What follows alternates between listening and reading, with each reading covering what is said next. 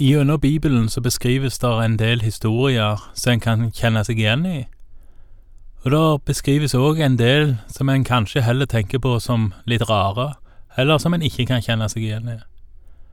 Og Noen ganger så kan en vel faktisk tenke å, var nå det noe å be om? Nå skal vi snart lese en sånn en historie der i alle fall jeg har tenkt å, var nå det noe å be om? Vi leser ifra andre kongebok, kapittel 6, vers 1. En dag sa profetdisiplene til Elisha. Vi har ikke plass nok her vi sitter foran deg. La oss få gå ned til Jordan og hente hver sin stokk, så lager vi oss et sted hvor vi kan være. Ja, bare gå, sa Elisha. En av dem sa, Vær så snill å gå med tjenerne dine. Han svarte, Ja, jeg blir med. Så gikk han med dem, og da de kom til Jordan, begynte de å felle trær.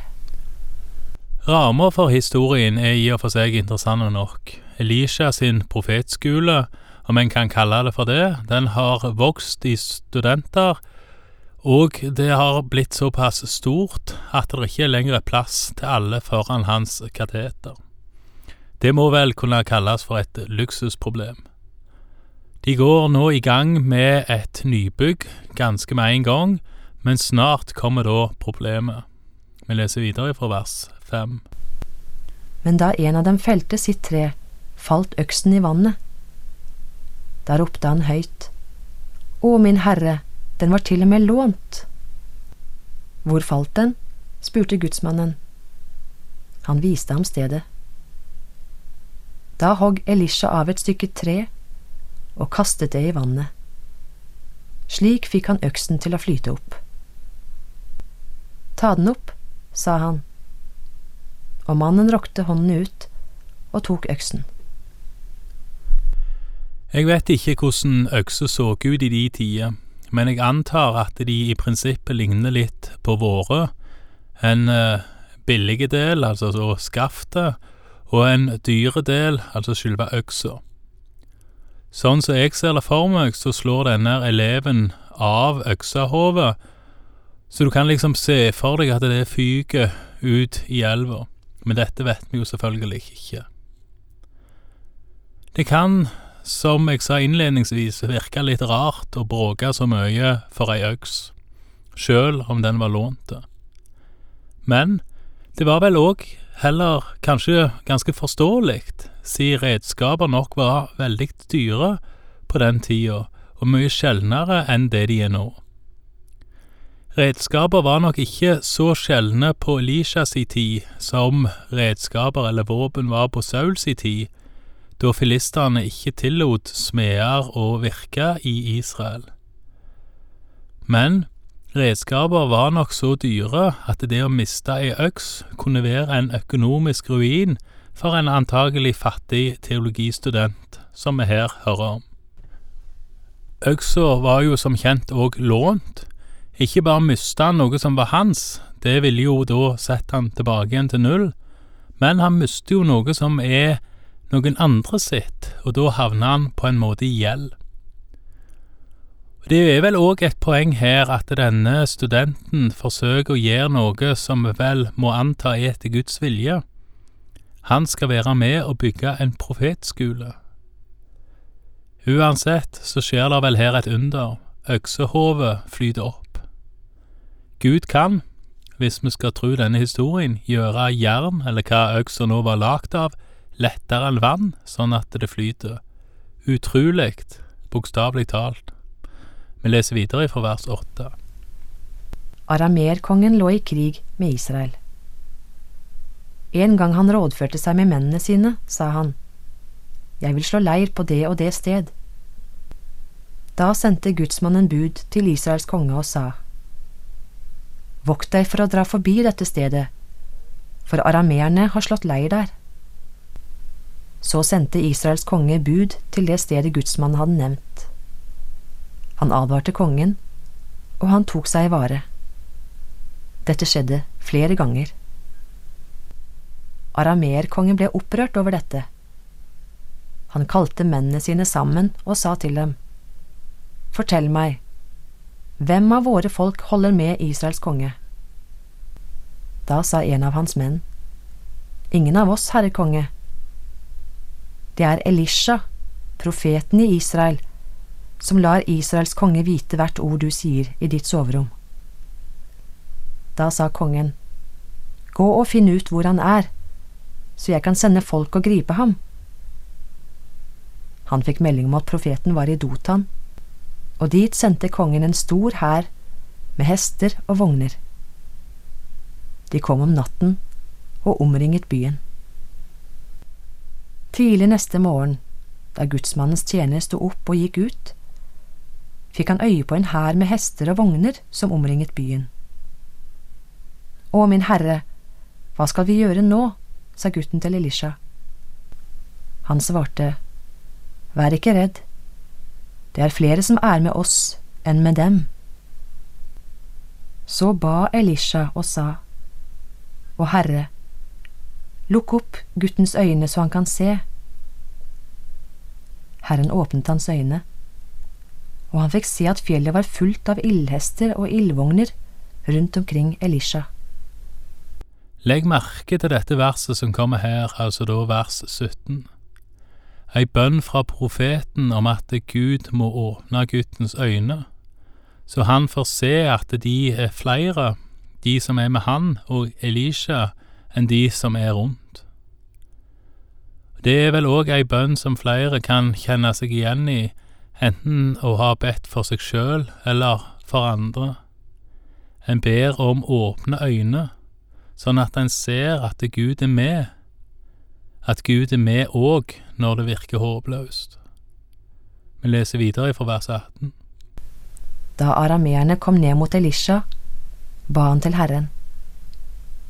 Slå dette folket med blindhet. Og på Elishas bønn slo Herren dem med blindhet. Da sa Elisha til dem, Det er ikke denne veien eller denne byen Følg meg, så skal jeg føre dere til den mannen dere leter etter. Og han førte dem til Samaria. Da de kom dit, ba Elisha, Herre, lukk opp øynene deres så de kan se. Herren åpnet deres øyne, og de så at det var midt i Samaria. Da Israels konge så dem, sa han til Elisha, Skal jeg bare hogge dem ned, far? Han svarte, Du skal ikke hogge dem ned. Har du tatt dem til fange med sverd og bue for å hogge dem ned? Sett brød og vann framfor dem. La dem spise og drikke og vende hjem til sin herre. Kongen gjorde i stand et stort festmåltid for dem, og de spiste og drakk. Så lot han dem gå, og de vendte tilbake til sin herre. Siden kom det ikke flere flokker av aramere og herjet i Israel. Når mange av krigene ender med blodbad, så er det her en fin avveksling, mener nå jeg. Det blir ikke sånn at arameerne blir hogga ned som kongen foreslår. De får faktisk mat og blir sendt hjem igjen etter at de hadde blitt lurt på villspor. Resultatet er som Israels ønske uansett, nemlig at det ikke kom flere flokker med arameer som herja i Israel. Kanskje kan deres tilbakekomst til sine egne og historien om hva de ble utsatt for, ha vært like avskrekkende for arameerne som om de hadde blitt drepne. Men dette varer ikke evig, og nå kommer et enda verre angrep ifra arameerkongen. Vi leser ifra vers 24. En tid etter hendte det at aramerkongen Ben-Haddad samlet hele sin hær og dro opp og beleiret Samaria. Det ble stor hungersnød i Samaria. Beleiringen varte så lenge at et eselhode kostet 80 sjekel sølv, og en kvart kabb duemøkk kostet fem sjekel. Det vi leser om her, må vel være et av historiens første dokumenterte eksempler på hyperinflasjon at penger blir mindre og mindre verdt, da i forhold til mat. Lignende tilstander har òg forekommet i moderne tider, da òg ofte i forhold til kriger eller andre veldig alvorlige hendelser. Vi leser videre fra vers 26. En dag Israels konge gikk fram og tilbake oppe på bymuren, ropte en kvinne til ham. Hjelp, herre konge. Han svarte, Om ikke Herren hjelper deg, hvor skulle jeg hente hjelp til deg? Fra treskeplassen eller fra vinpressen? Kongen mente nok dette bokstavelig, og henviser til de kroppslige behov som ikke blir møtt. Det var brød, og det var vin i dette tilfellet. Både treskeplassen og vinpressa lå vel ved utsida av brydmuren. Det virker mest logisk, og ut ifra det kongen her sier. Men om selve treskeplassen eller vinpressa var utilgjengelige eller tilgjengelige, så var det i alle fall ikke korn eller vindruer tilgjengelig. Og Da betyr det vel lite om de kunne ha ei presse eller en treskeplass innenfor bymuren. Men med symbolikken ifra den jødiske påske, eh, historisk sett før denne historien ifra andre kongebok, og ikke minst eh, symbolikken når Jesus innstifter nattværen mange hundre år etterpå, så kan det kongen sier her forstås som en profeti. At Herren skal hjelpe. Han skal hjelpe gjennom brød og vin. Han skal hjelpe gjennom sitt legeme og blod. Vi leser videre fra vers 28. Og kongen spurte, Hva er i veien med deg? Hun svarte, Denne kvinnen sa til meg, Kom hit med sønnen din, så spiser vi ham i dag og så spiser vi sønnen min i morgen. Vi kokte sønnen min og spiste ham.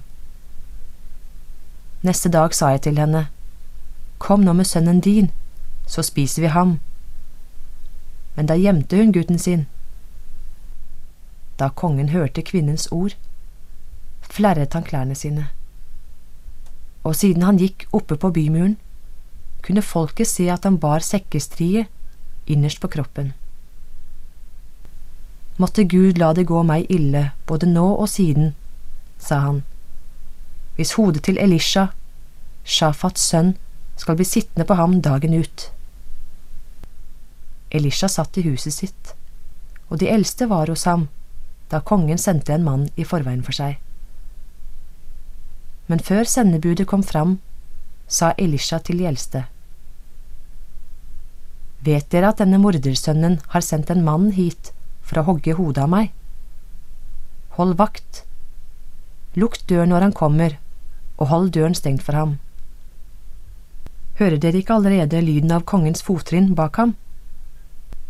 Mens Elisha ennå snakket med dem, kom kongen til ham. Han sa, Se, denne ulykken kommer fra Herren. Hvorfor skal jeg da vente på Herren lenger? Beleiringen av Samaria hovedstaden i Israel, eller Nordriket, har gjort at òg dette folket har begynt å spise sine egne unger. En alvorlig, desperat handling. Kongen har nå gått for å drepe profeten, vel vitende om at ulykka kommer ifra Herren. Og der slutter kapittel seks i andre kongebok med en dødstrussel over profetens eget hode. Takk for i dag og Herren være med deg.